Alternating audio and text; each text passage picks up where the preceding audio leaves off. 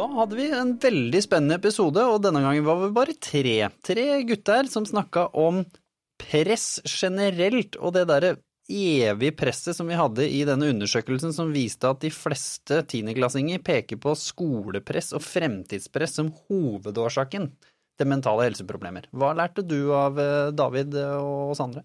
Nei, Først så var det veldig, veldig gøy å ha med David her. Eh, Fy søren for en eh, reflektert eh, kar. Men ja, press. Eh, Vi bor i et av verdens beste land på visse eh, ratinger, eller ratinger. Men samtidig så har vi så store utfordringer, og press er kanskje det aller, aller verste. For det kommer fra alle kanter. Og den episoden her, den føler jeg at eh, virkelig belyser hvilke pressfaktorer og hva du kan gjøre, og litt med det å finne seg sjæl. Eller som jeg pleier å si, kan ikke finne når du er født som, så det å skape seg sjøl, og det jeg virkelig tok med meg ut av det her, det er hvor forskjellig det er fra person til person. Det rådet med for eksempel nå må du roe deg ned og ta en liten pause for å lade deg opp, det hjelper ikke for alle. Og David var veldig inne på at det som kanskje er superpositivt for mange, var veldig negativt for han, når han var i, da, i den spiralen om at han fortjente ikke å være en del av det, eller han fortjente ikke å få hjelp. Så vi skal, vi skal dykke litt ned i den nå, vi. Det er jo det jeg sier jo, finne seg sjæl. Marius, du har jo ikke funnet deg sjæl ennå, det vet jo alle, men kanskje vi finner deg i episode fem. Så det er vel bare å trykke Ja, trykk på play, da.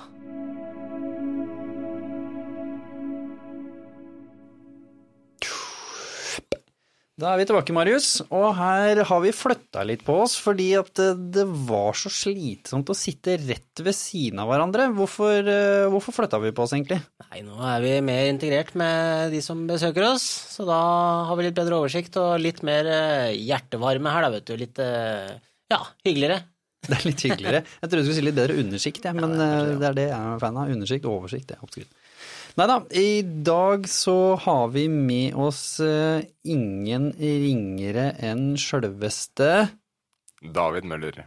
David Møller, og det er ikke Tran, for dere som eh, kan forveksle de to. Det er rett og slett en eh, relativt langt over gjennomsnittlig reflektert ung mann som har Ja, du har vel rett og slett bare prøvd masse forskjellige ting, sånn at du skal lære det. Du gjorde det helt med vilje, gjorde du ikke det? Ja, det er, halvparten, halvparten med intensjon, og halvparten bare skjer. Ehm, ja, jeg syns det er litt sånn ukomfortabelt at du sitter og liksom skal skryte meg opp og sånne ting. Da. Så jeg kan bare begynne med å si at uh, alle som hører Jimmy sitte og skryte av gjestene sine, jeg syns jo at det er litt sånn ukomfortabelt at folk skal si noe positivt om meg, da. Så det er en fin ting å begynne episoden med, kanskje. Så da skal jeg gjøre det skikkelig mye, for da får vi en bra podkast. Da får vi en jeg får helt noia. Åh, det kribler i magen. rett inn i dagens tematikk, som handler rett og slett om presset generelt, om det er presset som vi skaper for oss selv, eller om det er et samfunnspress, eller om det er et prestasjonspress, men generelt press for ungdommen, og for de da som ønsker å oppnå noe, og kanskje ikke helt vet hva de vil oppnå, er det vi skal prøve å sause oss igjennom eh, i dag, sammen med deg, som da har erfaring. Marius, er vel lov å hevde at du har litt erfaring på temaet du òg, selv om du fikk jo en brå vending der, men du, du la jo lista rimelig høyt du òg, når du fikk da velta deg ut av rikskjendis anonym-stadiet, så valgte jo du sjøl å legge lista fryktelig høyt. Du kunne jo bare tatt det kortet med at ja ja, livet var kjipt og livet var vanskelig og jeg var litt uheldig, så da kan jeg bare være anonym og, og ha det som unnskyldning resten av livet. Men det gjorde du ikke. Nei, men det er jo et sånt valg du tar, da. Altså, hvor mye press du vil legge på deg selv. Selvfølgelig kan du miste litt kontrollen også. Du kan jo ha altfor store ambisjoner, men øh, i hvert fall i, i, i mitt vedkommende så handla det om å Det var sunt å legge litt press. Men øh, så er det jo litt det vi skal prate om nå, da.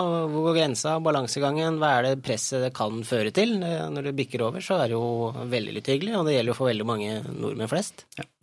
Fordi hvis vi ser på statistikken, og jeg vet jo at David ved siden av meg her, han er veldig glad i faktastatistikk og flink til å sjekke opp ting og følge opp liksom hvor ting begynner, men også vil også vite hva er bredden rundt det.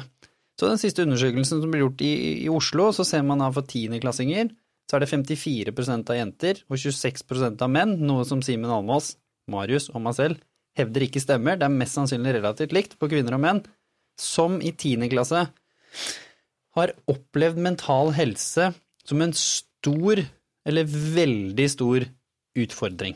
Og hovedårsaken som blir listet opp i denne undersøkelsen, er press. Rett og slett. Press for å få til noe i livet. Presset som da både befinner seg på sosiale medier, for hva slags privatliv du skal ha, og alt det innebærer, som vi allerede har vært innom i episode 1. Presset på skolen til å prestere sånn isolert sett på skolen mot da deg selv og de andre. Men enda viktigere, presset til at du som ungdom er jo redningen for verden. Så da har vi liksom de forskjellige elementene av ting her, og så selvfølgelig bak det så pakker vi jo da all denne flotte ulla inn i familie- og vennepresset også. Og selvfølgelig, som David var inne på før vi kom inn her, og som du var inne på nå, Marius, presset vi legger på oss selv. Så David, hva slags erfaring har du? Hvorfor sitter du her egentlig og snakker om det temaet her? Hva er det du har vært igjennom som gjør at du faktisk uh, har et og annet uh, klokt å komme med i løpet av dagen? Mm. Um, jeg, jeg, holdt på å si jeg kan ta det helt tilbake til start, da. Men på en måte på barneskolen så, så ble jeg mye mobba. og da var det Eh, en utføring for meg å jobbe for å bli likt. da, og Allerede der så lå det en liksom, prestasjonstankegang da, om å være god nok. ikke sant? Um, og så har jeg flytta en del. Jeg bodde, gikk på en liten privatskole i Oslo, og så flytta vi til Spania. og Så ble jeg plutselig veldig godt likt, og så flytta vi til Hedmarken, og der var jeg ikke så godt likt. Uh, og så tilbake til Spania, tilbake til Hedmarken, og så flytta jeg hjemmefra da jeg var 15 til Oslo. Eh, begynte på ny skole, og så ble jeg greit likt der, men så bytta jeg skole enda en gang. Så jeg har liksom alltid måttet jobbe veldig mye for å bli godtatt, da, for å bli integrert. Um, og der, allerede der så begynte dette her presset med å være, være bra nok og være likt. ikke sant, Bli sosialt akseptert.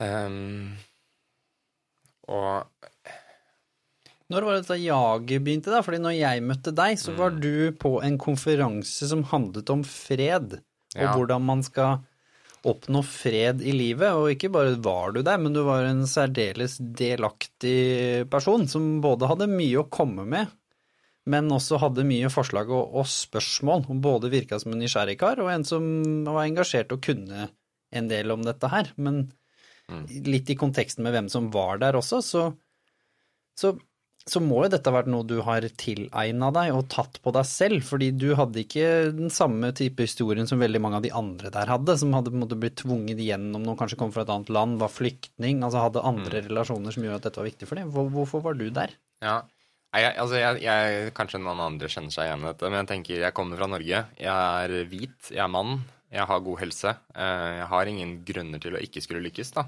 Og det i seg selv legger et veldig stort press på meg. Så tenker jeg at eh, jeg har alle forutsetninger for å, for å ha det bra. Eh, så hvorfor har jeg det ikke bra? Og jeg har alle forutsetninger for å, for å hjelpe andre. Eh, så da syns jeg at jeg skal bruke den muligheten. Da. Og da la jeg, jeg la mye press på meg selv for å da måte, være en positiv forandring og en aktør for endring eh, i samfunnet. Eh, det ble kanskje også litt for mye fordi jeg satte da et personlig mål om å bli menneske i min generasjon som har gjort mest for å hjelpe menneskeheten. Eh, og selv om sant, Det er det snakk om det som du sa i stad, Marius, hvor mye press er bra, og hvor mye er for mye. Eh, og i starten så var jo dette her veldig kult, og jeg syns at liksom, ja, yes, nå har jeg funnet et mål som jeg virkelig liksom Det imponerte folk når jeg sa det, og folk bare sånn wow, jeg hadde ikke klart å tenke fram det målet selv engang, da. Men så ble det liksom en sånn umulig ting, da, som Jeg klarte liksom å se målet, men jeg klarte ikke å se veien dit, og det ble veldig overveldende. Um, og så gikk ikke ting helt som planlagt, og så hadde jeg noen personlige livskriser, og så kollapsa jeg, da. For det ble liksom for mye press, da. Uh, så jeg tenker sånn, istedenfor å ta hele historien min, for den blir jo veldig lang, så kan jeg heller liksom si liksom Dette er et veldig konkret eksempel på uh, der hvor litt press kan være bra. ikke sant? Jeg har lyst til å gjøre noe godt for menneskeheten. Jeg har lyst til å være en positiv påvirkning på andre mennesker rundt meg. Uh, og så heller liksom sette seg små delmål da, som er overkommelige, enn å sette seg altfor store mål som kanskje man oppnår en eller annen gang hvis man er kjempeheldig og hvis man er dritflink. Um, men det blir en sånn umulig ting å leve opp til, da. Det som er litt morsomt, på, på The Human Aspect, uh, i The Human Aspect så har vi jo mange unge som har vært med og, og bidratt i teamet på, som nå er liksom nærmere 20. Men I tillegg så har vi kanskje sånn 50-100 mennesker som deg selv som har bidratt i kortere eller lengre perioder på forskjellige typer ting som vi har holdt på med de siste to åra. Og gjort en ungdomsserie, pluss vært involvert i veldig mange flinke, engasjerte ungdom, som på en måte er litt de som man virkelig føler blir presset frem. Er ofte mye sosiale medier. De er på farta, som vi har snakket om i veldig mange av de andre episodene som Marius har vært så mye inne på. Og så opplever jeg at alt er bra, men som Kristine sa i stad, utad. Og så er det kanskje ikke det innad. Fordi det presset som man setter på seg selv, gjør at man er så opptatt av det at man kanskje ikke egentlig dealer med de tingene som man har selv. Og som vi sier veldig ofte på det Human livet skjer, og det er helt greit. Som du sier, du hadde noen personlige livskriser. Det virker som for meg at i dagens samfunn så har det blitt sånn at det er ikke lov å ha downtime. Det er ikke lov å ha en personlig livskrise. Det er nesten ikke lov å sørge hvis du mista mora di. Eller det er ikke lov å sørge hvis eh, bestekompisen blir kjempesjuk, fordi du er jo midt i flowen din.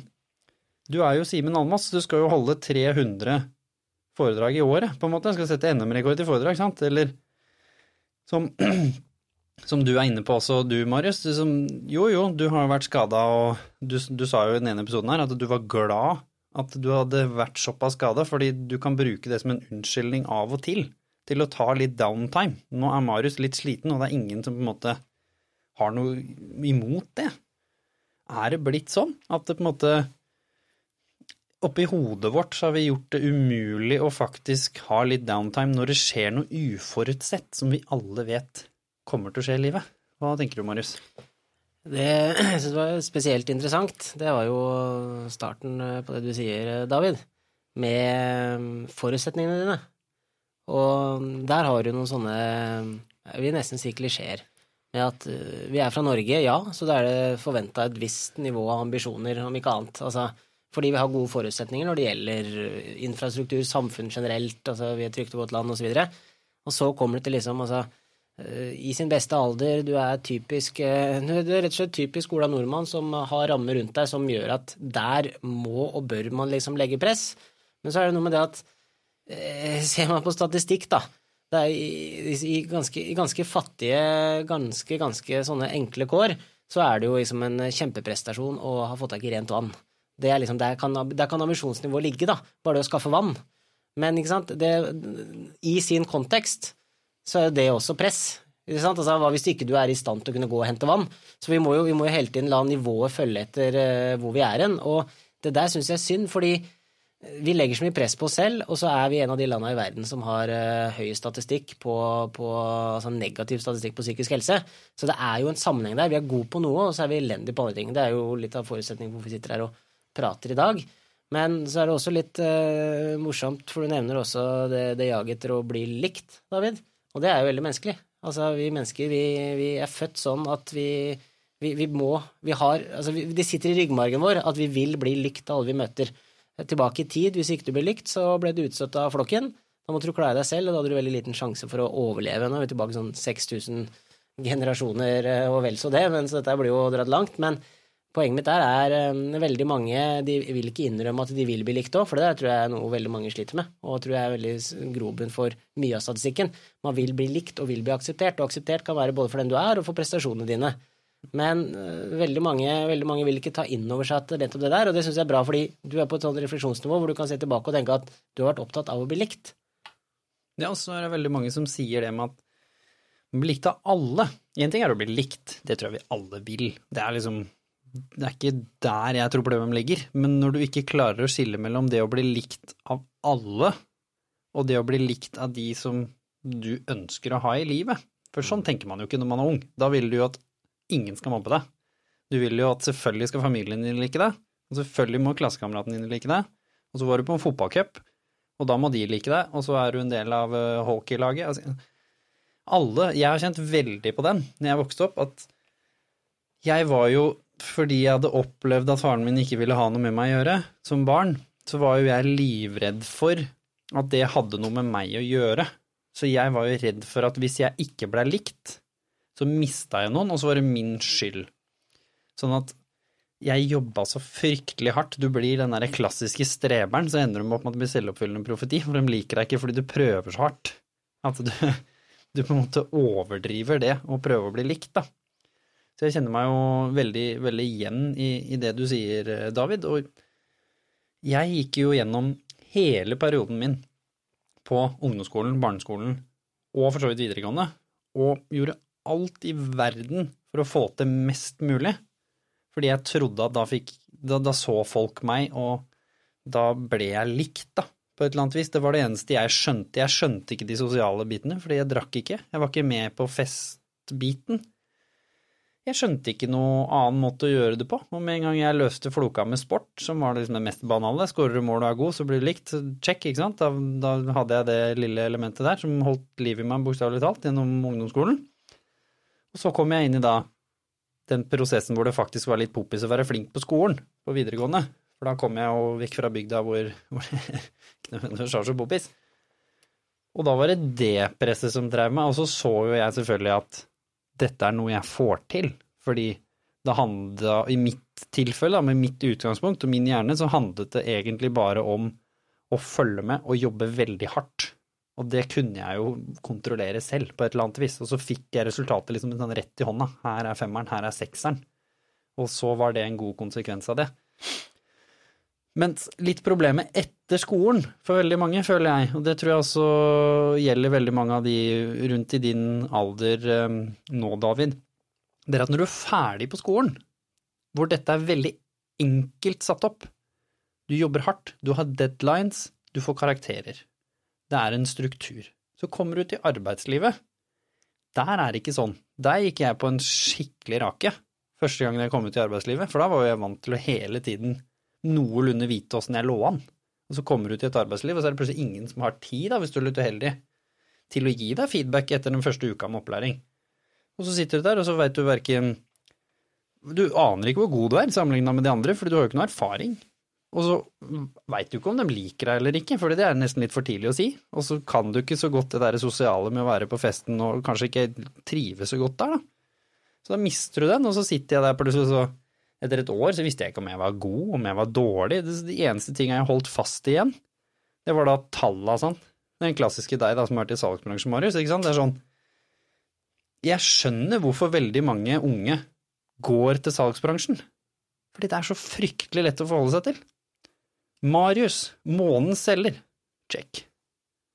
Jimmy, fjerde beste selgeren denne måneden, men han var sjette best forrige måned. Check. Fryktelig lett å forholde seg til. Det er ikke det en vanlig jobb.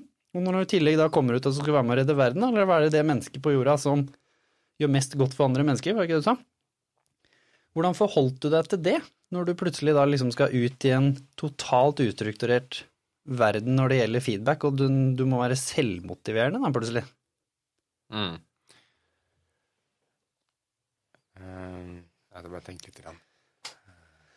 Marius, hvordan forholdt du deg til det? Du gikk jo inn i salgsbransjen. Har du Hva tenker du om det? Tror, tror du liksom det gjorde det lettere for deg å gå inn et sted hvor, spesielt da etter skaden din og, og alt det som hadde skjedd, da, hvor du selvfølgelig kanskje enda mer trengte å føle at du fikk til noe? Var det lettere da? Husker du noen periode hvor, hvor det dreiv deg? Sånne, sånne, enkle drivere som å bli månedens selger, eller selge mer enn forrige måned, eller ting som er fryktelig lett å måle, da?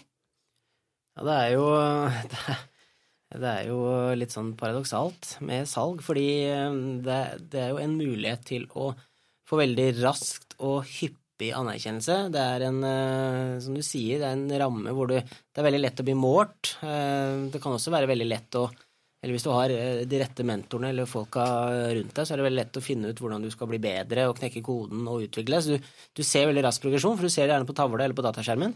Men så er du også en av de bransjene hvor det er mest press. Fordi du må hele tiden levere, du må hele tiden eh, resette deg selv. Og nå er jo, er det jo kanskje ikke noe hemmelighet at jeg er god til å skravle. Så det å, det å selge, det, det, ligger jo litt sånn latent med et uh, verbalt talent jeg har hatt siden jeg var liten kid. Men uh, når det er sagt, så når jeg kom ut av sjukehuset og måtte ta tak i ting og det så, så lå jeg jo langt bakpå økonomisk, så jeg hadde ikke så mye annet valg. Uh, salg er jo en av de hva skal jeg si, bransjene hvor du har muligheten til å tjene raskt og godt. Hvis du bare holdt på å si, går over stokk og stein for å, for å selge, så kan du raskt snu det.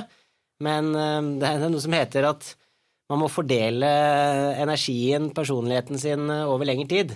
Så man svir jo av voldsomt mye krutt, er en del av veldig mye press. Det er veldig gøy der og da, Men det man ser, er jo at folk holder ikke ut så lenge, så lenge med salg, da. Men eh, det er litt sånn spennende akkurat uh, vinklinga di, Jimmy, med tanke på det å ikke ha de rammene lenger. Det kan jo være både å gi seg på fotballaget, være ferdig med grunnskolen, og så plutselig så, så vet man ikke hvordan man blir målt, og da havner jo inn igjen da på litt av det vi hadde i forrige episode, som går på digitalisering, eksponering. Du ser at alle andre de kan jo måle seg på hvor vellykka de er fordi de har vært ute og reist, de har vært på et nytt fjell, de har vært foran en serverdighet, heter det vel eh, på norsk. Mm. De har kanskje fått litt større muskler, de har kanskje kjøpt seg en ny bil. altså så der en sånn havner vi jo inn i at da blir man, da blir man målt på samfunnet. Og da er man liksom ferdig med å sammenligne seg med Per eller Kari som sitter ved siden av deg og har litt penere løkkeskrift. Mm. Det som er litt morsomt du snakker om der, er at når jeg er ute og holder foredrag, så gjør jeg ofte noe spennende. Det første er å spørre folk om å ta fram mobilen sin, det er veldig populært eh, blant ungdom. Og så sier jeg ok, hvis vi sier at vi har 1000 venner, så for dere som hører på nå, ok, 1000 venner på Facebook er relativt vanlig i dag som et form for snitt. Noen har litt under, noen har eh, over, sant? Ok. Ganger du det med 365 dager i året, blir da 365 000, ikke sant?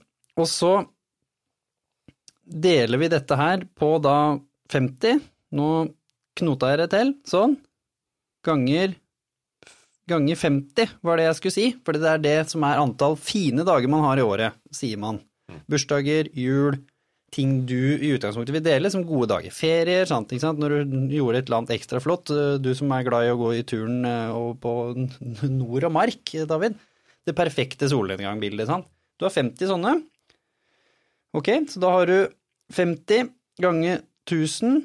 Nå har telefonen min gått helt i stå her. 50 ganger 1000, sånn. Og så okay, deler du det på 365. Det tok du ikke i huet, Marius. Så sitter du da med et tall som heter 136.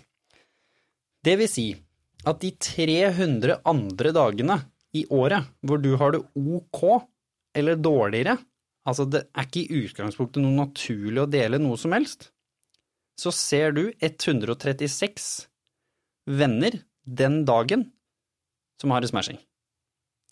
De fleste av oss klarer ikke å skjønne at det er det som skjer. Du klarer ikke å se at det var Marius som hadde en fin dag i går, i dag er det David, og i morgen er det Martin. Jeg ser bare at alle andre har en fin dag, jeg. Og at jeg har en ok eller en dårlig dag. Men 50 dager, det var jo fryktelig lite, da. Det er kun altså i snitt 50 dager i året hvor det skjer noe ekstraordinært som er delbart. Nå er jo ikke du helt A4, da, som driver og løper rundt og holder foredrag. Det er jo ikke jeg heller, sånn sett, som har fryktelig mye ting som skjer hele tiden. Men for de fleste, Ola og Kari, så er det faktisk 50 dager i året som er sånn dette var smashing. Det betyr ikke at vi ikke klarer med filter og sånne ting som vi snakket om med Kristine og de andre i den andre episoden, hvor man pusser litt på ting, og så legger man det ut. Men du innerst inne vet at det du la ut nå, er ikke smashing.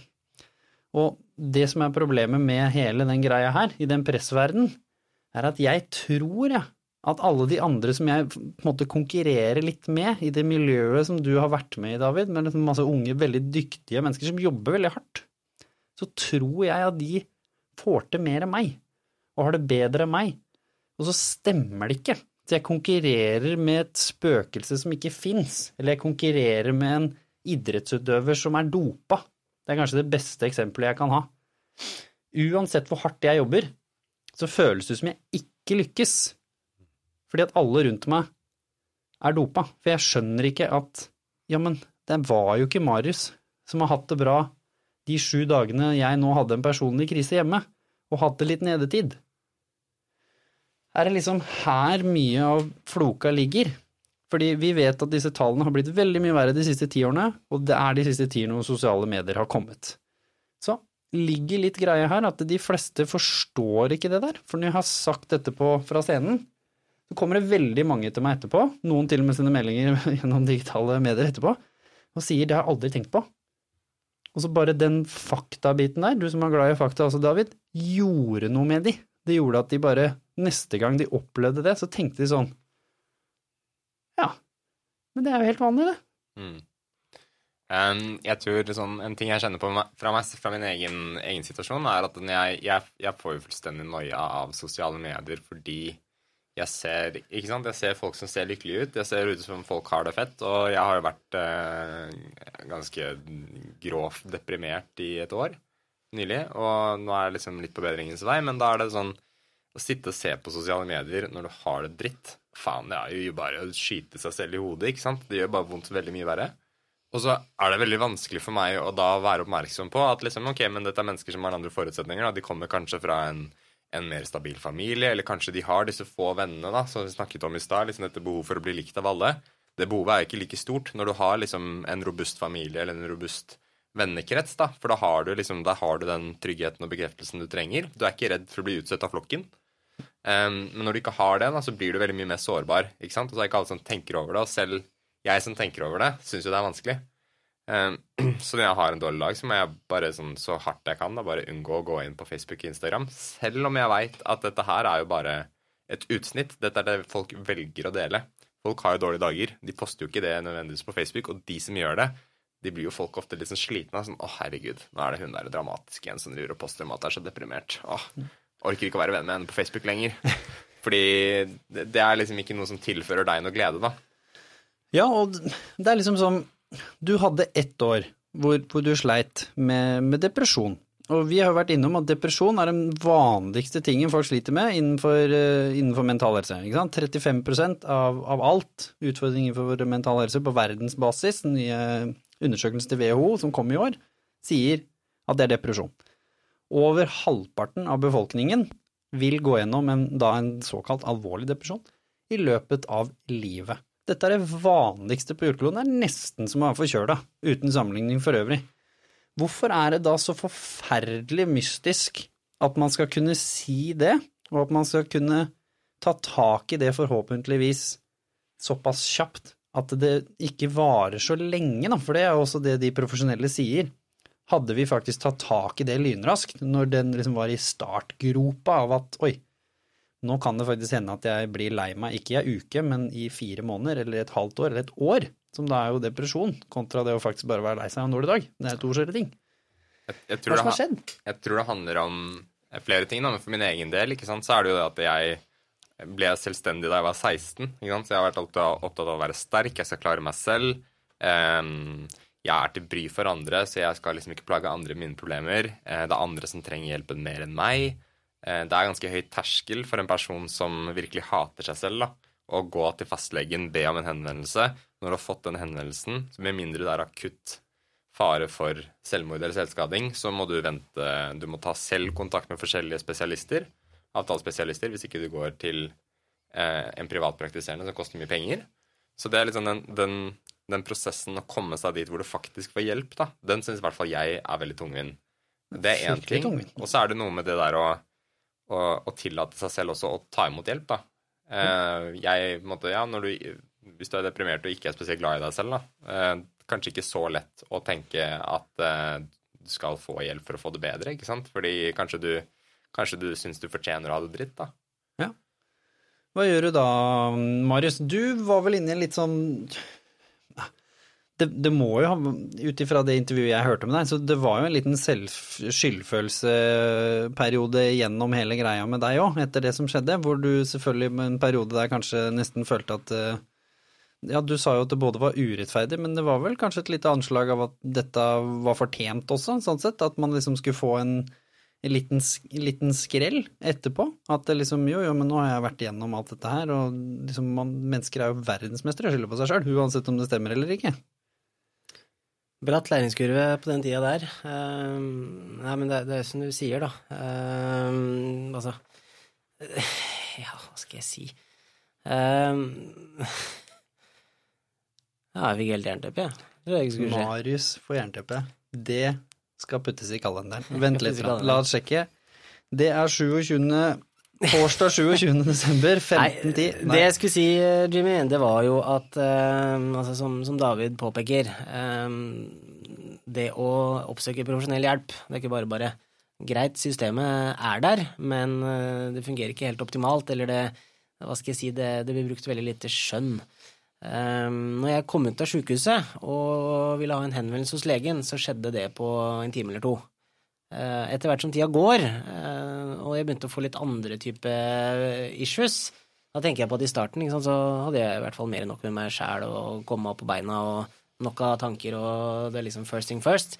Men når det går litt mer tid da, så, så kommer de andre issuene, og det er gjerne de psykiske. Altså det den lille sånn, holdt på å si, demonen som setter seg på skulderen din, som forteller deg at eh, livet er kjipt, livet er urettferdig, dette har du fortjent, dette har du ikke fortjent, så har du fortjent det, og du, du blir helt uh, tullerusk av det. Men så ville jo jeg uh, på, på, et visst punkt fjerne litt av arra mine. Altså jeg ville i hvert fall ikke at de skulle være så klumpete overalt på kroppen lenger, og da ville jeg gjerne få skrapa det av. Men det hadde jo gått såpass lang tid, så når jeg da var der i tankegangen at dette vil jeg ha ordna, dette her plager meg, dette her er noe som drar meg ned hver dag, da fikk jeg jo faktisk eh, et brev om at eh, ni måneder fram i tid var jeg kalt inn da til den avdelingen på Rikshospitalet som tar seg av det. Da tenkte jeg bare altså, jeg går på veggen, jeg vil ha det bort nå, jeg blir gal. Jeg får ikke sove ordentlig, det er irriterende, det vet den prinsessa og erten. Mm. Bare du har eh, noe som stikker litt ut på, på kroppen din, sånn armmessig eller sårmessig, så er det irriterende. Så, så, det der er liksom Ja, ja altså er vi da igjen tilbake på Fakta er vi bor i verdens beste land, sånn isolert sett, sammen med kanskje en åtte-ni andre land i verden når det gjelder tilgang til helsesystemet. Så kan man argumentere herfra inn i neste år om hva som kan bli bedre og ikke bedre, men det er noe faktum. Og det gjelder også på den mentale helsen sin, hvis vi snakker om kompetansen til de som jobber der, og hvor enkelt det er i form av at det er gratis i systemet og alt dette her. Og så kommer køelementet, som selvfølgelig er en utfordring. Men Nei, ikke, bare køen, men, men, men, ikke bare køen, men det å faktisk komme seg gjennom hele disse prosessene. Da. Altså, mm. Du må først gå til legen, så må du få en henvisning, og så må du selv ta ansvar for å følge opp den henvisningen hvis ikke legen din gjør det. Min lege gjorde ikke det. Da, og da er det det at jeg må skrive et søknadsbrev til psykologen hvor jeg vedlegger henvendelsen. Og jeg kan bare sende én om gangen. Jeg må sende brev i posten. Og så får jeg svar innen to uker. Og så har jeg kanskje brukt tre måneder da, på å klare å sende det fuckings brevet. ikke sant? La oss si at diagnosen din er at du er tiltaksløs, da.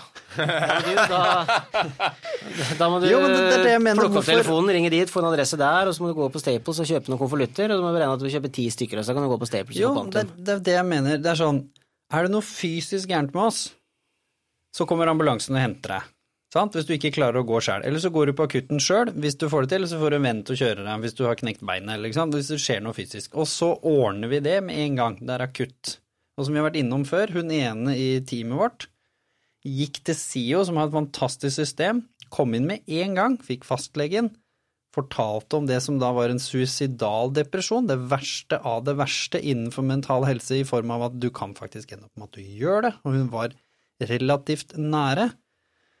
Og så fikk hun beskjed om at du får vente en uke. Det er jo som om jeg skulle kommet med et svært sår i hovedpulsåra i låret mitt inne på akutten, og dem skulle sagt ja, nå er det litt mye folk her, da, så du kan vel egentlig bare prøve å holde deg i live til sånn fredag neste uke, og så ser vi om vi får plass deg da. Det går jo ikke an. Og de, problemet med det er jo selvfølgelig at alle de som kommer der, de blir jo prioritert foran alle som, som, deg, da, som hadde en depresjon, eller som meg som når jeg hadde det. Ja. Og så blir det jo bare knot. Men hvorfor er det sånn at det først og fremst, når vi først har søkt hjelp, som du er inne på, kanskje er den største hindringen i hele prosessen her. Ja, det er jo dørstokkmila, da. Dørstokkmila å få hjelp. Og jeg, sånn apropos suicidal, da. Altså jeg på en ukentlig basis hadde hadde øyeblikk hvor jeg hadde flere ganger i løpet av en uke kanskje da, ekstremt trang til å skade meg selv. da. Jeg kunne stå med, stå med kniven i hånda, og jeg lot være å gjøre det, men fordi jeg visste at det var en midlertidig fiks. Så jeg har liksom aldri gått det steget hvor jeg faktisk liksom kutter meg selv. Da. Det var en gang jeg slo meg selv så hardt i hodet at jeg fikk hjernerystelse. Men eh, det er den mentale kampen da, om å ikke gjøre det. Den er jo så sykt slitsom. Og jeg gikk jo til faktisk akuttpsykiatrisk og sa liksom OK, jeg, nå har jeg holdt igjen i mange, mange måneder. Jeg får ikke den hjelpen jeg trenger. Eh, jeg har lyst til å ta livet mitt. Jeg kommer ikke til å gjøre det, for jeg har ikke lagt en plan. Og jeg, liksom, jeg klarer å holde igjen, men nå kjenner jeg at nå har jeg nesten ikke noe styrke igjen. Nå er det så vidt at jeg klarer. Og så er de sånn Ja, men du kommer ikke til å ta livet ditt senere i dag. Og så er det sånn Nei, jeg klarer nok å holde ut et par uker til, da. Ja, vi ser at du har fått litt sånn time da, og da var det liksom OK, to uker. Eh, det klarer jeg å holde ut. Eh, men da var jeg liksom Da var jeg helt, helt ødelagt. Og da hadde jeg liksom Nå kjente jeg liksom OK, nå har jeg faktisk ikke så mye mer å gå på. Og, og selv liksom Ja, det er liksom Ja, hvis ikke du skal gjøre det i dag eller i morgen, så har vi ikke mulighet til å prioritere deg. Og det snakker jo om kapasitet, da. Ja. Men, men det er liksom Jeg gikk jo og holdt på dette her ekstremt lenge uten å få hjelp. Jeg sa jo til legen min også. Det er sånn, Jeg har selvmordstanker ofte, og jeg prøver å Altså, jeg prøver ikke, men jeg går rundt og må jobbe hele tiden, da. For å ikke gjennomføre disse tankene om å skade meg selv, da, som er ganske morbide. De er ganske morbide, og det som er litt fascinerende hvordan, siden eh, Vi begynte jo med å snakke om, om press, og så har vi nå gått inn i liksom den mentale helsebiten, men det er sånn Hvordan går det så fort i Norge, det landet hvor, som du var inne på, hvor de fleste av oss har veldig gode forutsetninger for å lykkes? Det er selvfølgelig unntak av regelen her òg. Men hvordan kan vi gå fra at vi har lyst til å være noen av de menneskene i verden som har lyst til å bidra mest for andre og de rundt oss og ha høye prestasjoner, om det er i salg eller om det er i fredskonflikt eller hva det nå enn er, eller om det er i innovasjon og entreprenørskap, hvor veldig mange av disse her er, til full depresjon, langtidssykemelding, at man bor hos familien sin eh, i et afrikansk land i et halvt år, til at man drar på Bali for å finne seg sjæl, eller alle disse tinga som, som man gjør nå. Hvordan går man så fryktelig raskt fra det som kan virke som the perfect path, eller han kule fyren som hadde et mål som jeg ikke hadde tenkt på engang, til at man faktisk står og vurderer at nei, nå holder det. Nå er jeg ferdig, kjenner jeg. Hvordan? Jeg tror jeg er veldig komplekst. Det er liksom ikke noe enkelt å si et sånt kort svar med to streker under eh, på det. Men eh, jeg tenker jo at vi på en måte Jeg i hvert fall har en veldig sånn tankegang, liksom, ikke sant, som vi snakket om i stad. Jeg er liksom Norge, hvit mann. Altså alle forutsetninger for, for å lykkes. Og det er folk som har det så jævlig mye verre enn meg. ikke sant? Ja, det er folk som du snakket om i stad, hvor liksom det å få rent vann er en prestasjon i seg selv. Eh, jeg har jo ikke noe jeg skulle klaget på, egentlig. Ikke sant? Jeg har tak over hodet, jeg har mat. Jeg er litt sånn smålubben, sexylubben, vet ikke, folk kaller det forskjellige ting. Men sant, sånn, i det store og det hele da, så er ikke livet mitt så jævlig ille. Det er mer sånn at det er ille inni huet mitt, da. Ehm, og, og så er det masse grunner til at jeg sliter, og alle har sine forskjellige grunner. Jeg tenker at det er liksom ikke noe universelt svar, da. Men når, når forutsetningen er da for at du skal ha det bra, så er det veldig fort å legge det presset på seg selv, da. Og det skjedde jo med meg. ikke sant, at jeg jeg tenker Det er ikke det at alle andre tenker at holdt på å si at jeg ikke kan ha det kjipt, men jeg begynner å bagatellisere min egen, egen smerte, mine egne problemer. Og det tror jeg er veldig vanlig at folk bagatelliserer, fordi de burde ha det bedre. De burde ha det bra. Ja, der er vi inne på noe, noe spennende, ikke sant? Du bagatelliserer, du sier liksom det er jo noen som trenger legen mer enn meg, det, og jeg kan ikke si dette til vennene mine, fordi vennen min mista jo nettopp mora si, så jeg kan ikke komme med min depresjon, altså begynner man liksom å finne på grunner til hvorfor du kanskje ikke tar tak i det tidlig nok, og så på toppen av det så er du litt sånn dette høye prestasjonspresset og alle de rundt meg som får dette til, hvorfor får ikke jeg det til? Og så istedenfor da å gå fra fjerde etasje til andre etasje og ta en liten pause der, hvor livet egentlig bare er helt greit, så går du fra fjerde etasje rett ned i U2 Mm. og bare ramler liksom hele veien ned. Og jeg tror veldig mye inne på det du sier nå. Liksom alt Når korthuset faller sammen, når man er på toppen og kanskje presset var litt for stort, da, som du begynte med når du åpna her, hvor kanskje presset var bitte litt høyere enn det som kanskje var sunt der og da, og så kommer en uforutsett livskrise som alle får, som det kommer gjennom, om det er at det da plutselig var, ikke var rent vann, eller at de stengte den nærmeste krana for de som bor i de landene der, men nå er jo nå vi i Norge, og da er det ofte det at et eller annet skjer. Om det er familien, om det er oppi hodet at det kommer en gammel traume, at du mista kjæresten, sånn med, med, med Simen, eller dama som har data, og så bang, så er det rett i bånn. Mm. Jeg, jeg tror liksom fenomen Litt sånn som med sosiale medier, da, at du sammenligner deg selv med alle andre som har det bedre enn deg. Så skjer fort det samme at du sammenligner deg selv med alle andre som har det verre enn deg. Mm. Og så du ser etter en unnskyldning til å ikke være bra nok eller ikke være verdt å prioritere. da. At du begynner å se etter ja, men det er, det er noen som har det bedre enn meg, så jeg har det ikke bra nok. Eller du ser at det er noen som har det verre enn meg, så jeg, jeg er ikke viktig. Ja, Marius, hva tenker du om dette her? Hvor du, du har jo et fantastisk eh, ordtak om dette her, som jeg håper du klarer å, å lire fra nå. I intervjuet med oss så snakket du nettopp om hvorfor du syntes det var så viktig å ha vært i kjelleren. Fordi da sa du noe så flott, du med disse analogies. Ja, nei, øh, Da sa du noe om det å kunne bygge hus og, og holde på på det. Når du har vært i kjelleren, så er det litt lettere å sette pris på første, andre og tredje etasje. Um, og dessverre så er det faktisk sånn at i veldig mange tilfeller så må begeret renne over. En ting er jo øh, hva man legger på seg selv av press, og når det koker over, øh, mildt sagt, fordi det kommer fra mange kanter, og det er gjerne Én ting kommer gjerne ikke alene. Altså det, det, det, baller gjerne på seg. På samme måte som at uh, hvis du kanskje begynner å røre på deg, hvis du har det litt tungt, så plutselig blir du lettere i hodet, og så tar du tak i alt det andre du sliter med. På samme måten så er det samme funksjoner på vei ned. Altså Når det blir litt mye, så er det bare sånn Nå er livet urettferdig, og da kan jeg love at med den innstillinga så får du i hvert fall ikke en lysere dag i morgen, mest sannsynlig. Men det, det, det jeg vil at vi skal ta med oss her, er i hvert fall altså, Som regel, bank i bordet, da, så går det bra. Eh, det jeg mener med det, er jo at etter man har slitt og vært igjennom noe, så har man blitt såpass mye sterkere. Og, og det er noe som er fantastisk, fordi vi mennesker adopterer, adopterer ting eh, mens vi, mens vi, lever. Og så står det jo litt på ressurser, altså med nettopp det med å få hjelp, når får vi hjelp, osv. Eh, jeg skjønner jo også det at man kan, ikke, man kan ikke hjelpe alle stadier, og det har man ikke ressurser til. Men jeg syns det er veldig synd, da, sånn som, altså, som eksempelet du ga, David, med, med din egen erfaring. altså må man da rope ulv eh, til alle døgnets tider for å være sikker på at du får hjelpa di når du trenger hjelpa, og, og, i det hele tatt. Det var sånn jeg husker eh, jeg var eh, noen år tilbake, hun frøkna mi hun klarte å, å, knekke kragebeinet. Og så sitter vi der da på Tønsberg legevakt, tida går, og vi har sittet der i syv timer. Stakkars frøkna mi satt jo og gråt og smertestillende, hadde ikke begynt å kicke inn og ikke måte på. Så kommer det folk som er fyllesyke inn fra Slottsfjellfestivalen parallelt, og det var sånn Unnskyld i resepsjonen, men kan det der være mer alvorlig? Og det handler egentlig bare om at man hadde ikke ropt høyt nok. Så hvis David da hadde sagt at ja, hvis ikke jeg får hjelp nå, så tar jeg livet mitt om ti minutter, er, må vi dit. Men bare for at David da er reflektert og har såpass mye selvkontroll sammen med selvinnsikten, så blir det da et individuelt tilfelle hvor sånn yes, men du holder ut i 14 dager til. Ja, nei, det er liksom Ja, det er det som er synd når det skal bli sånn. Og litt tilbake på hvordan skal man eh, liksom komme seg litt ut av det der presset på seg sjæl. Jeg husker en, en, periode hvor jeg kom tilbake etter å ha jobba med, med, Leger uten grenser. Jeg hadde gjort fryktelig mye, jeg hadde akkurat starta The Human Aspect, og så kom jeg inn i juletida, og så var jeg hjemme hos mamma og pappa. Og så husker jeg at jeg sa setter jeg meg ned nå, så veit jeg ikke hva som skjer. Jeg turte ikke å hvile. Fordi jeg var såpass uh, selvreflektert da at jeg skjønte at hvis jeg setter meg ned nå, og la meg sjøl hvile, både fysisk og psykisk, hvis jeg begynner å ta inn over meg alt som har skjedd, og hvor jeg egentlig ligger, hva jeg egentlig har gjort, på en måte, slutta jeg Leger uten grenser og begynte noe, så tror jeg faktisk det går gærent, sa jeg til mamma.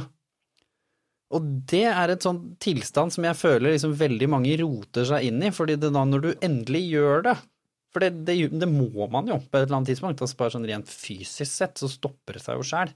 Og det er da jeg tror det skjer, at du ramler fra fjerde etasje helt ned i U2. Fordi du har ikke vært flink nok til å ta vare på deg sjøl underveis. Du har ikke liksom tatt tak i det tidlig, fordi var ikke, det var ikke viktig nok. Det var noen som hadde det verre. Nei, psykolog trenger jeg i hvert fall ikke. Og så var det liksom bare aldri tid til det. Og så fant du masse unnskyldninger for hvorfor du ikke sov nok, og så ble det sånn ja, jo, men jeg må jo trene fordi jeg er jo han treningsfyren. Jeg har jo folk som følger med på hva jeg gjør. De vil jo savne altså, noen helt sånne absurde ting du får innover deg. Det er jo ingen som legger merke til om jeg plutselig ikke posta treningsvideoer en uke. Og nå, etter den perioden, så klarer jeg faktisk å ta meg selv i det når jeg begynner å nærme meg det stadiet igjen. Og så klarer jeg å justere. Så klarer jeg da å ta og se en Champions League-kamp. Eller ta en lang kopp te med deg, David, og bare prate om alt og ingenting. Eller da å dra på kino, som vi, som vi skal seinere i dag.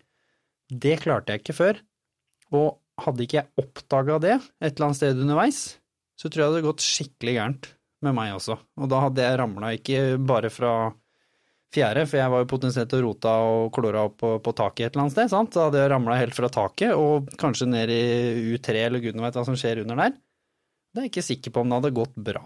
Da kunne jeg også potensielt måtte ha tatt meg et år på på Bali eller i India eller gudene veit hvor jeg hadde rota meg bort. Jeg hadde jo sikkert rota meg bort et eller annet annet ymse sted.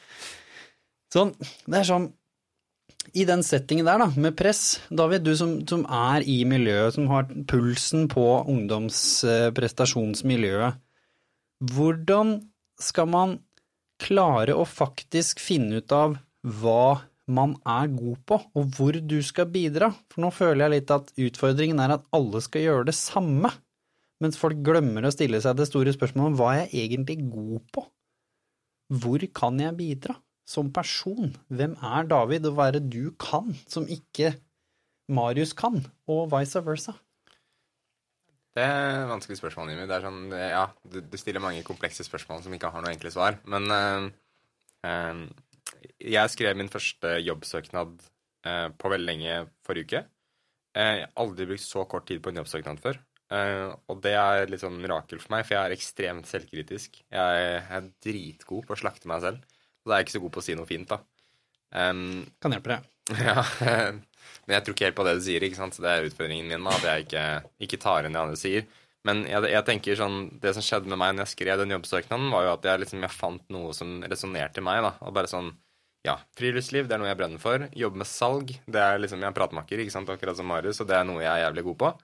Um, også et godt arbeidsmiljø, ja, det er noe jeg vil ha. Og så tenker jeg sånn, ja, hm, det ser ut som denne stillingen her passer godt med hva jeg har å bidra med både som personen jeg er, men også av erfaringen jeg har fra før av liksom, kunnskapen min og lidenskap og sånne ting. Da. Og da var jeg liksom Ja, hm, dette, dette, kjenner jeg faktisk at resonnerer hos meg fysisk. da. Ikke at dette bare er en sånn tanketing, men at jeg kjente også etter på kroppen. da. Eh, og det er en sånn ting som jeg tror eh, Det har jeg måttet jobbe veldig mye med, men å ikke bare leve i huet. Ikke sant? Jeg er en veldig intellektuell person. Jeg tilbringer veldig mye tid oppi skallen min. Jeg tenker i ett sett fra jeg våkner til jeg legger meg. Eh, det er jeg Får ikke så mye pause, akkurat. Eh, og da er det liksom den der kunsten å ta seg selv i det, og så stoppe opp litt, og så som du snakket om, da, komme i kontakt med følelsene. Og det er ikke at man trenger å gå i full kontakt, fordi jeg, samme som du sa, da, jeg, jeg tenker jo sånn at hvis jeg kommer i kontakt med all den dritten jeg har liggende, så kollapser jeg, og det er ingen andre Jeg har ikke noe støtteapparat som jeg stoler på. Så hvis jeg gjør det, så tror jeg at da går alt til helvete. Så det, det, klarer jeg ikke. Men jeg kan kjenne på litt, i hvert fall, da. Og jobbe med liksom å moderere. Ja, ok, jeg kan i hvert fall hm, Ja, dette kjennes bra. Nei, dette kjennes ikke bra. Og så i stedet for å prøve å tenke seg ut av alle mulige problemstillinger, da, prøve å kanskje også kjenne litt etter. Og det tror jeg at på en måte blir litt vanskelig da, når du lever med ansiktet ned i en skjerm, og alt som skjer der, er jo noe vi forholder oss til veldig rasjonelt. da, ikke sant? Det er mye tanker som begynner å spinne. Så jeg tror kunsten kanskje er det å kjenne litt etter, da. Ja, Kjenne litt etter, Marius. Hva, hva, tenker du om det? Det å presse da, å kjenne litt etter og faktisk få lov å ta to uker da nede. Du har vært god på det. Du, du har vært flink til at liksom nei, nå trenger Marius et par uker, og da er ikke Marius like flink til å svare på ting og tang og her og der, og da er du litt mer med dama, kanskje, og litt mer PlayStation og litt mer Netflix. Du sa jo at du brukte det istedenfor Simen som går og setter seg på en topp, kanskje samme som David. Altså du, du har funnet din måte å gjøre det på. Hvor ja, viktig jeg, er det for deg? Jeg satt, uh, satt seinest uh, i ca. 20 timer i strekket og spilte PlayStation her om dagen, så nå er jeg fullada for, uh, for nye aktiviteter og eventyr. Nei, men igjen, vi er litt tilbake på det at dessverre så må man jo kanskje oppleve litt hvor grensa går, da. Man må jo ha dessverre hatt noen av de følelsene og kjent på hva det har gjort med kroppen for å kunne ta oss et valg om at det vil jeg ikke igjen, eller for å kunne se varslene. Det er jo det noe med det at uh, man kan fortelle det at ja, men du skal ikke overarbeide deg, da går du i kjelleren. Ja, men du, du, må holde deg litt i form, ellers så stivner du til. Altså, disse tingene her, eller folk sier 'kjør pent rundt av lappen', du krasjer jo eller riper opp bilen til 14 dager uansett hva folk sier. Så det der er jo noe med å oppleve det for å kjenne på det, og da kunne sette det i perspektiv. Så det er jo, det er jo en fantastisk gave når man har vært igjennom det og man vet hva det gjør med deg, du vet hvilken tilstand du ikke vil havne i, du vet kanskje hva du gjorde feil, du kan analysere deg til det, eller kanskje det går galt to-tre ganger til òg, men da har du virkelig prøvd å feile så mye at du, du vet da, for eksempel som du, du, sier, David, du kan kjenne litt på det. Eh, du vil ikke gå helt inn i det for å havne i kjelleren. Simen Almås, når han var her i, i første podkasten, sa jo også det at eh, han møter så mye mennesker, det er så mye å ta inn over seg hele tiden, så han velger jo å ta på et visst skall. For han vet at hvis han lar alt bare komme inn, da blir han plutselig en sånn derre, hva skal jeg si, hjernemaskin som skal dele med, dele med, resten av verden hva de sliter med. Så det er noe med det der å klare å ha opplevd ting, sette det i perspektiv, ta noen forhåndsregler, men det der blir sånn klok av skade. Det må gå litt tid. Altså, vi begynner jo å bli voksne, vi tre som sitter her. Og da er det mye lettere å se tilbake på at ja, jeg gjorde det, det funka ikke sånn, jeg vil ikke dit igjen. Det er jo det som er å lære. Det er det som er å være menneske. Og en av de tingene som, eh, som David sier, som jeg tenker litt på nå, kanskje er viktig, og som jeg har snakka mye om også, med de jeg har vært eh, involvert eh, med, og spesielt kanskje unge mennesker, det er litt den der at alt funker ikke for alle. Det var noen som sa til meg, jeg tror det var faktisk var i fjor, utpå høsten i fjor, da vi liksom hadde et veldig høyt tempo, så var det noen som sa til meg du må ta, litt tid, du må ta deg litt fri, sa de. Du må ta deg fri. Det var et godt og et ærlig og velment råd den gangen. Du må ta deg litt fri. Så da tenkte jeg ok, nå har folk masa så fælt om det her så lenge, liksom i årevis, Jimmy, nå må du ta litt fri. Så tenkte jeg ok, nå skal jeg ta en helg fri. Tok jeg en helg fri, jeg hadde ingen planer sånn sett. Fri fra da jobben, la fra meg telefonen, fikk liksom la noen sånne små regler for meg selv. Ikke sant? Nå, nå er alt eller ingenting, den derre dramatiske kutten. Vet du hva som skjedde? Jeg har aldri vært så sliten i mitt liv jeg, som når jeg kom tilbake på mandag da. For det var helt feil for meg å ta meg helt fri. Fikk, da fikk jeg sosial angst. Da var jeg sånn Hvorfor får ikke jeg tak i noe nå? Nå er det sånn Oi, nå er det lørdag kveld, nå skal jeg begynne å ringe kompiser og spørre om de har fri. Det var ikke sånn som det var for 20 år siden, hvor du kunne ringe på hustelefonen og spørre du, skal vi finne på noe, eller? Ikke sant? Altså, folk har jo planlagt to måneder fram i tid hva de skal gjøre hver dag, de fleste. Så det der med å tørre å finne ut av det sjøl, tørre å si at nei, jeg trenger ikke en helg fri fra the human aspect, fordi the human aspect gir meg like mye energi, eller hverdagssyken, eller hva nå enn jeg holder på med, gir meg like mye energi som det tar fra meg. Men jeg trenger å gjøre noe jeg liker, som gir meg energi, som for deg, David, kanskje er å ta deg liksom en, en kanotur, eller som for meg er å ta meg en tur opp i marka, eller å se på Netflix eller en Champions League-kamp. Jeg fant ut av det her på den harde måten siste altså på videregående Nei, på BI, når jeg tok 90 studiepoeng på ti måneder, så gjorde jeg alt riktig i hodet mitt. Jeg, gjorde, jeg sov nok, jeg var superstreng, jeg trente nok, jeg spiste nok, og jeg hadde nok hvile. Alt var på stell, følte jeg. Blei mer og mer sliten. Skjønte ikke hva det var. Og så plutselig slo det meg at jeg gleder meg jo ikke til noen ting. Jeg var bare maskin. Jeg hadde det derre typ klassiske langsiktige målet som folk som studerer høyere utdanning har, sant? Ti måneder, Jimmy være maskin, dette får jeg til. Etter den tiende måneden så tar jeg to måneder i Sør-Amerika og backpacker eller gud veit, ikke sant. Et eller annet. Det ordner seg. Men det gjør ikke det hvis du fortsetter det presset hele veien, for det tar ikke slutt. For når du da er ferdig med skolen, først da får du jo panikk, da skal du begynne å sende søknader for å få deg jobb, sant. Så når jeg med en gang fant ut at har jeg én ting hver dag som jeg gleder meg til. Om det har med jobben å gjøre, eller om det har med skolen å gjøre, det er jo ikke så farlig. Så går det bra. Og hvis jeg da av og til, de gangene jeg har lyst, drar på en langhelg på Hafjell, eller går i Oslomarka, eller sånn som vi nå skal på en eller annen førpremiere på kino, selv om det bare er to timer med det jeg anser som noe jeg syns er dritgøy, å gå og kose meg og se film, så går det greit. Det er ikke noe problem, og da kan jeg holde på sånn her i 20 år til, jeg. Og nå er ikke jeg en sånn overmodig ypling på 20 år lenger, sånn som noen av de i teamet vårt. Jeg har holdt på sånn her i 15 år, uten å stoppe, og det har gått fint. Det er ikke fordi jeg er noen jækla supermann, det er fordi jeg faktisk har drevet med ting jeg syns er gøy, hele tiden, underveis. Da blir det et press igjen da, på å finne noe du syns er gøy. Og hvis du på en måte ikke helt har identifisert det, da, eller utviklet en interesse For det er jo ikke noe som dukker opp. Som regel er det noe du finner ut av eller utvikler. Det gjorde det ikke for meg heller, for å si det sånn. Jeg var Nei. jo brant meg et par ganger. Men det var bare sånn det, det, kan fort bli enda en av de greiene man skal få til. Da. Jeg skal finne noe jeg liker, jeg skal finne noe som er meningsfullt, jeg skal finne noe jeg gleder meg til. finne, finne seg sjæl blir jo et press òg. Nå må du, du finne deg sjæl. Liksom. Du er født som deg sjæl. Ja, du er, du er, til, du er til enhver tid deg selv, da, men det er liksom det der eh, presset på for sånn Spesielt når du er deprimert og så kanskje ikke har helt identifisert at du har blitt deppa. da. Mm. Og nå snakker jeg om ordentlig depresjon, ikke det begrepet deppa at man er litt nedfor, men, men, men, da er det jo sånn det der å Jeg har mange mange år drevet med friluftsliv. ikke sant? Jeg er kajakkinstruktør, jeg utdanner ny turleder i Turistforeningen, jeg har vært veldig aktiv som turleder og mye på fjellet. Um, men uh, så har jeg vært nede et år, da, ikke sant? og da er det liksom selv å gjøre de tingene da, som vanligvis ga meg så mye, er liksom bare Alt er helt ok. På det beste. Eh, og da blir det jo litt sånn ah, shit, jeg gleder meg jo ikke til det engang. ikke sant? Det var noe av det beste jeg likte å drive med. Og, og da blir det litt sånn der å herregud, nå er jeg i hvert fall mislykka, nå er alt håpløst. Så det blir jo den der, det er jo ikke alltid det er mulig å finne den tingen man gleder seg til. Da. Så det, jeg bare tenker sånn, jeg Nei, det problematiserer det, du langt, sier. Da, sant? Ikke sant? Ja. Det er fordi da har du gått for langt. For det er jo det som har skjedd med meg i perioder òg. Da var det ingenting som hjalp. Mm. Før jeg da kom meg ut av det igjen, da. Noe som du nå forhåpentligvis er i, er i ferd med å gjøre. Men det er ikke det, det der Jeg fant jo ikke hva jeg likte å drive med, heller, i starten. Jeg bomma jo og feila og surra og røra lenge, men jeg hadde liksom allikevel heldigvis da, prøvde å finne ting underveis som jeg likte, for jeg, når jeg tok den avgjørelsen, så mente jeg jo at det var det riktige, selv om det viste seg å være feil i etterkant.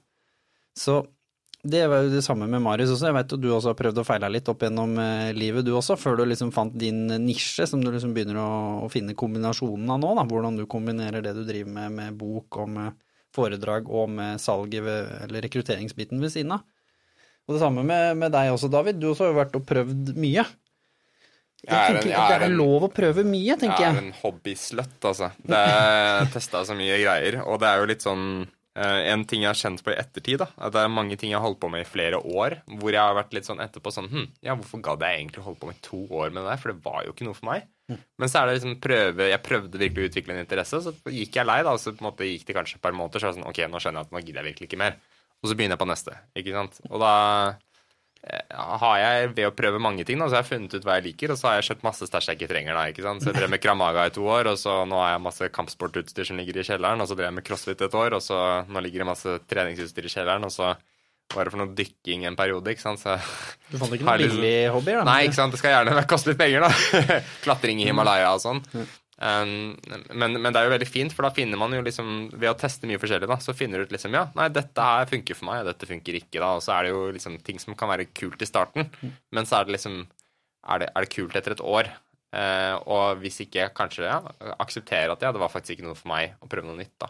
Er ikke det sjarmen litt i det miljøet du er inne i nå, startup-miljø, ungdomsmiljø, frivillighetsmiljø, engasjert miljø, er ikke det fine med Young Sustainable Impact, med Young Ambassadors, med alle disse programmene som er rundt, med The Human Aspect, med frivillighet, med Mesh, med eventene, at man faktisk får lov, som ung, å være med og bidra et sted hvor du i utgangspunktet ikke er kompetent. Hadde dette vært en vanlig bedrift, så hadde du ikke blitt ansatt i den stillingen, fordi du hadde ikke erfaringen. Men her får man lov å prøve å feile ting, og kanskje finne ut av, da, noen av disse unge, hvis de er heldige, da, finner ut at oi, jeg var egentlig ganske flink til å drive med sosiale medier, markedsføringsbiten av det, selv om jeg ikke nødvendigvis har studert det, og en annen finner ut oi, jeg var utrolig god til å arrangere events, sånn som Kristoffer Omberg, og som, som jeg kjenner som, som står bak da Oslo eh, altså Business Forum.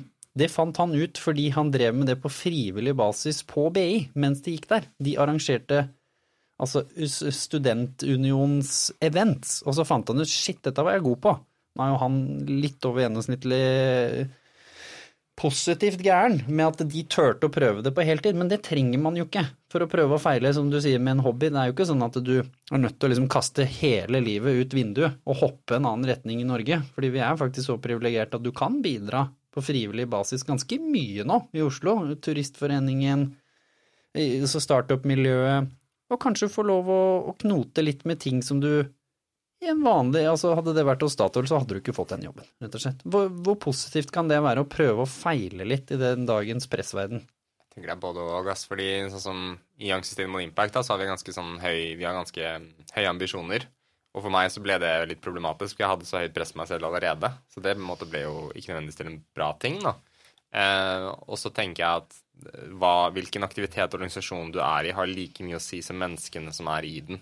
Ikke sant? Så det er jo liksom det å være frivillig handler jo mye om det å gjøre noe du syns er gøy, men det handler jo også noe om å treffe folk som, som, eh, som du liker å være sammen med, da, eh, og den kulturen som er der. Og det tenker jeg um, det er det som er måte, kanskje den største forskjellen mellom det og en profesjonell jobb. da, er liksom at det, Du har ikke den samme prestasjonspresset. Du har litt mer romslige rammer. Du trenger ikke å levere 100% som gjør at det er rom for å utvikle deg. Det er rom for å teste ting du ikke er god på i det hele tatt.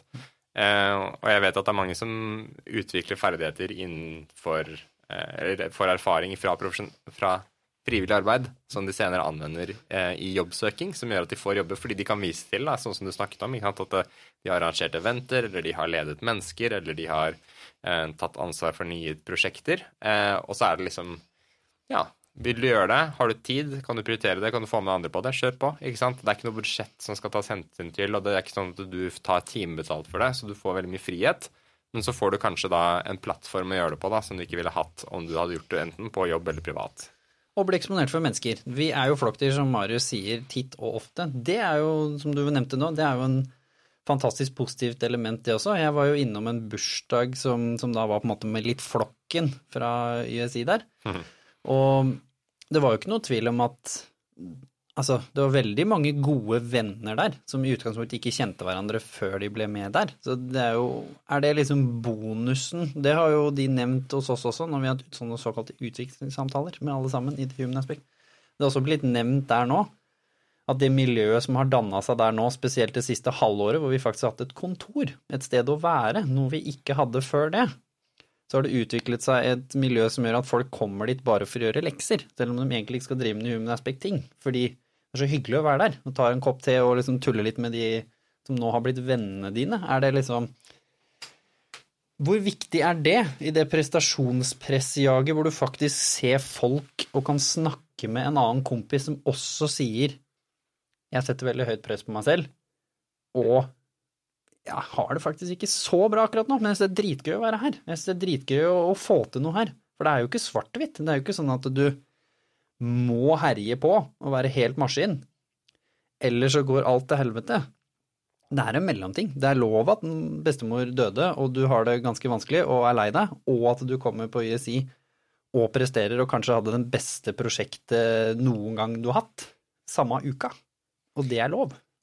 Jeg, te jeg tenker Det handler jo mye om, om tilhørighet. Da. Det er liksom det første som popper inn i hodet mitt når du snakker nå, Jimmy. Fordi eh, når du jobber med ting som du brenner for, sammen med andre mennesker som brenner for det samme, så, så finner du liksom en felles identitet. ikke sant? Dette er oss mot, eh, oss mot resten av verden. Vi driver med dette, vi syns dette er fett. Um, og da, da connecter man, da.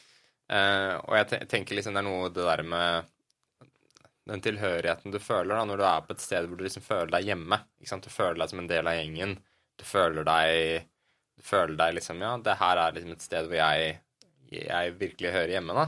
Eh, så, så, gjør det jo noe med, med deg. ikke sant? Du får en slags tyngde eller trygghet eller noen røtter, eh, og, og, du begynner å liksom Ja, du på en måte bygge Kall det en familie, da. Det er kanskje ikke helt riktig ord, men ikke sant? at du, du, du, du, føler at du hører til. da, Og det tenker jeg det er veldig viktig i forhold til det. liksom, Da blir det naturlig, da.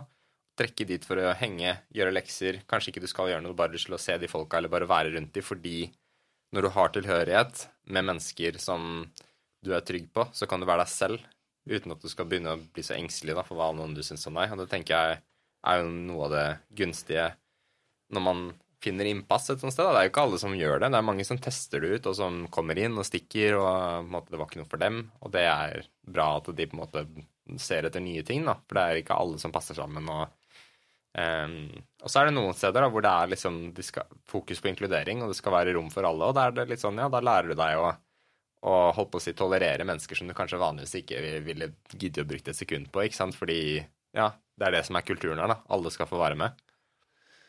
Ja, og for at vi da skal liksom wrap things up, hvor, eh, hvor, viktig tror du det er for alle de menneskene når vi da vet at halvparten av befolkningen til enhver tid sliter med mental helse, da i lettere eller vanskeligere grad? Hvor viktig er det å faktisk ha et eller annet sted hvor du kan være deg selv, som du sier nå, hvor det faktisk er lov å si at nå har David en litt dårlig periode. Du er jo flink til å si det, faktisk, liksom av og til så sier jo du også til meg at nei, nå, nå, går det ikke så bra. Du er jo en av de som svarer ærlig på det spørsmålet. ikke sant? De fleste av oss sier nei, ja, det går fint, og så er vi ferdige, liksom. Mens du svarer ærlig på det.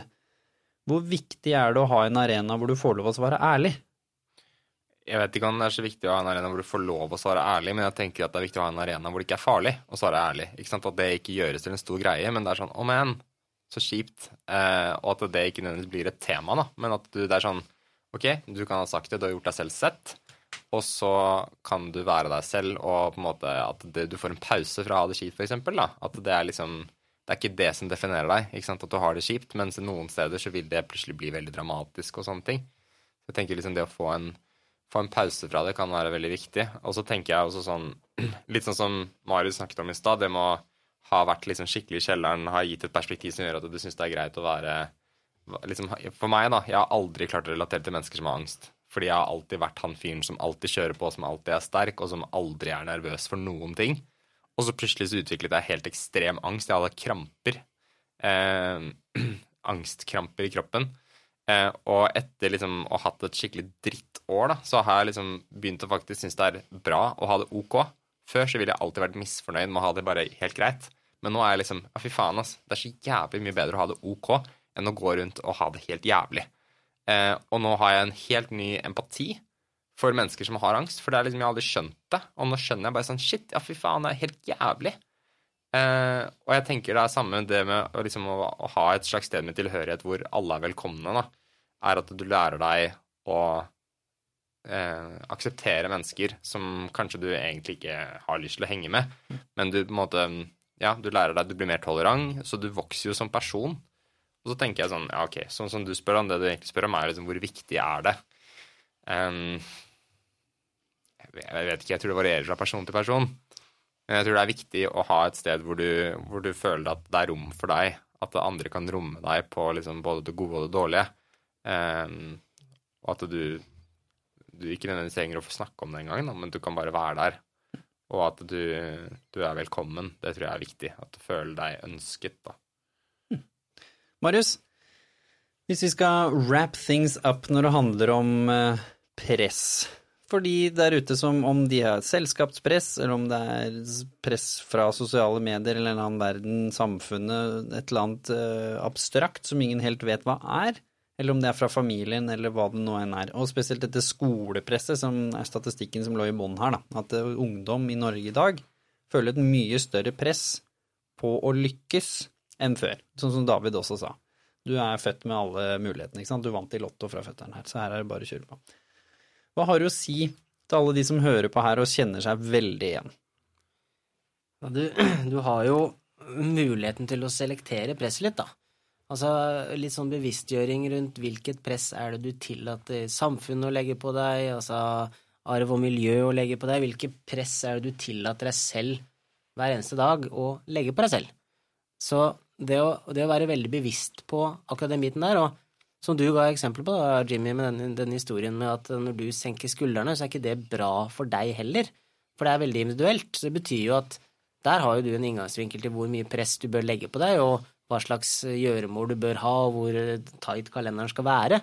Men det å, kunne, det å kunne reflektere over det, hvor kommer presset fra, hvorfor har jeg det presset her, det henger jo sammen med både ambisjoner, hverdagsmotivasjon, som vi vet er ferskvare, altså det, det, det, vil variere, og det jeg tenker på for gi et eksempel, er jo er det en dag eh, hvor du føler at eh, nå har det gått litt skeis? Jeg starta med å gå rett på ratatan eh, ut av døra, og der er ingen som har strødd, og det har blitt eh, minusgrader. Og så kanskje du ikke rekker bussen, og så kanskje du brenner deg på kaffen. Altså, de dagene har man jo, og som David også sier, det er helt, helt ok å sette virkelig pris på ok dager. Altså, det er ok med ok, og det betyr jo at da regulerer man presset litt. Da har man ikke det presset om at hver eneste dag skal være perfekt. Jeg mener jo at det er mulig å få 50 glansdager til 52, da. Kanskje det skal være et eh, mål for 2019, men i hvert fall stoppe opp og analysere litt. Hvor er det presset kommer eh, fra? Eh, hvorfor tillater du det? Er det et sunt press for deg? Og for å relatere til forrige episode, som var om kroppspress, hva er det du tillater der? Åssen inntrykk er det du tar til deg på Instagram, Snapchat, alt mulig av plattformer som apper og, og styr som er der ute? Så det må være en litt sånn finger i bakken. Eh, hvor er det du får presset fra, hva er det du tillater? Hvor er filteret ditt på hverdagspress? Ja, og David, hvis du skulle avslutta med en enkel liten ting til eh, de som hører på, som, som, kjenner på dette her, hva ville du sagt til dem i forhold til din personlige erfaring på ting? Ta altså Stopp et uh, halvt sekund, og så før du lar deg rive med av tankekjøret og alle disse måte, følelsene av uh, kanskje et ikke, skam eller alt du burde få til og sånne ting, så skjønn etter uh, hva du trenger.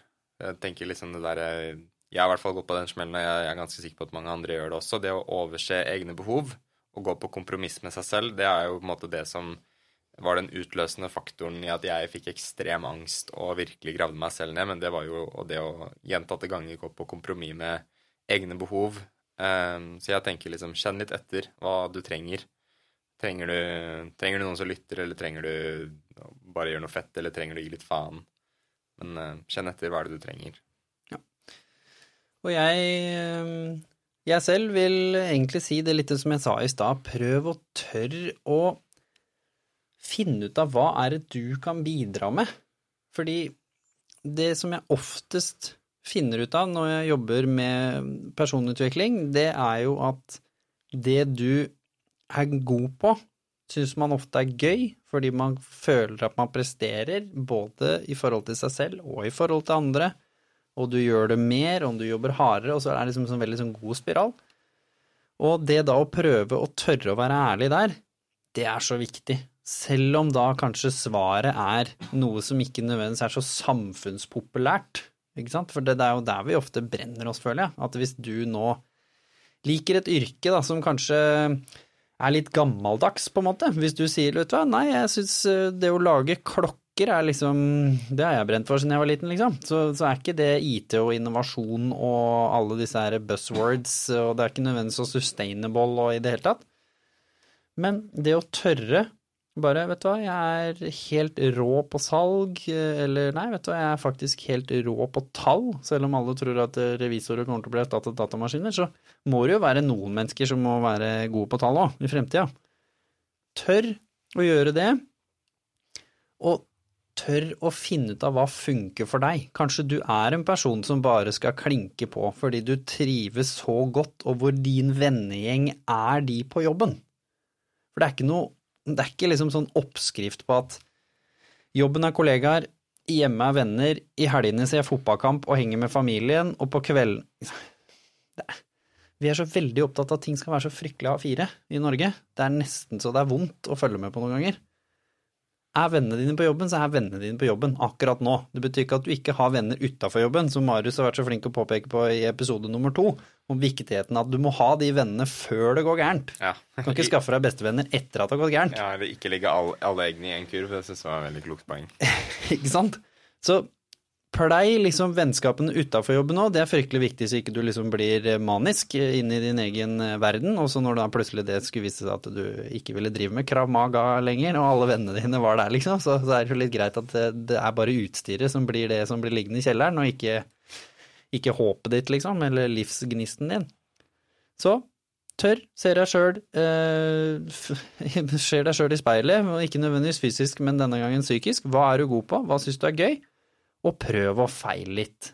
Det er helt i orden å bytte jobb, sånn som Petter Stordalen sier ofte. Vil heller ansette noen som har bytta jobb fire ganger og faktisk endte opp med å finne ut av hva han var god på, enn den personen som har vært på samme sted i 15 år og kanskje ikke nødvendigvis utvikla seg så mye. Og det er litt tanken fra meg. Da fikk Stordalen siste ord Da. Vi skal få inn Patter her også på hverdagssyken på et eller annet tidspunkt. Tusen takk til deg, eh, David, og så gleder vi oss eh, da til å, å følge med videre på denne jobben, åssen det går, og ikke minst eh, fortsette å håpe at det er mulig at hverdagssyken tar opp videre skumle temaer utover vinteren og våren her. Så takk til alle sammen. Takk til dere.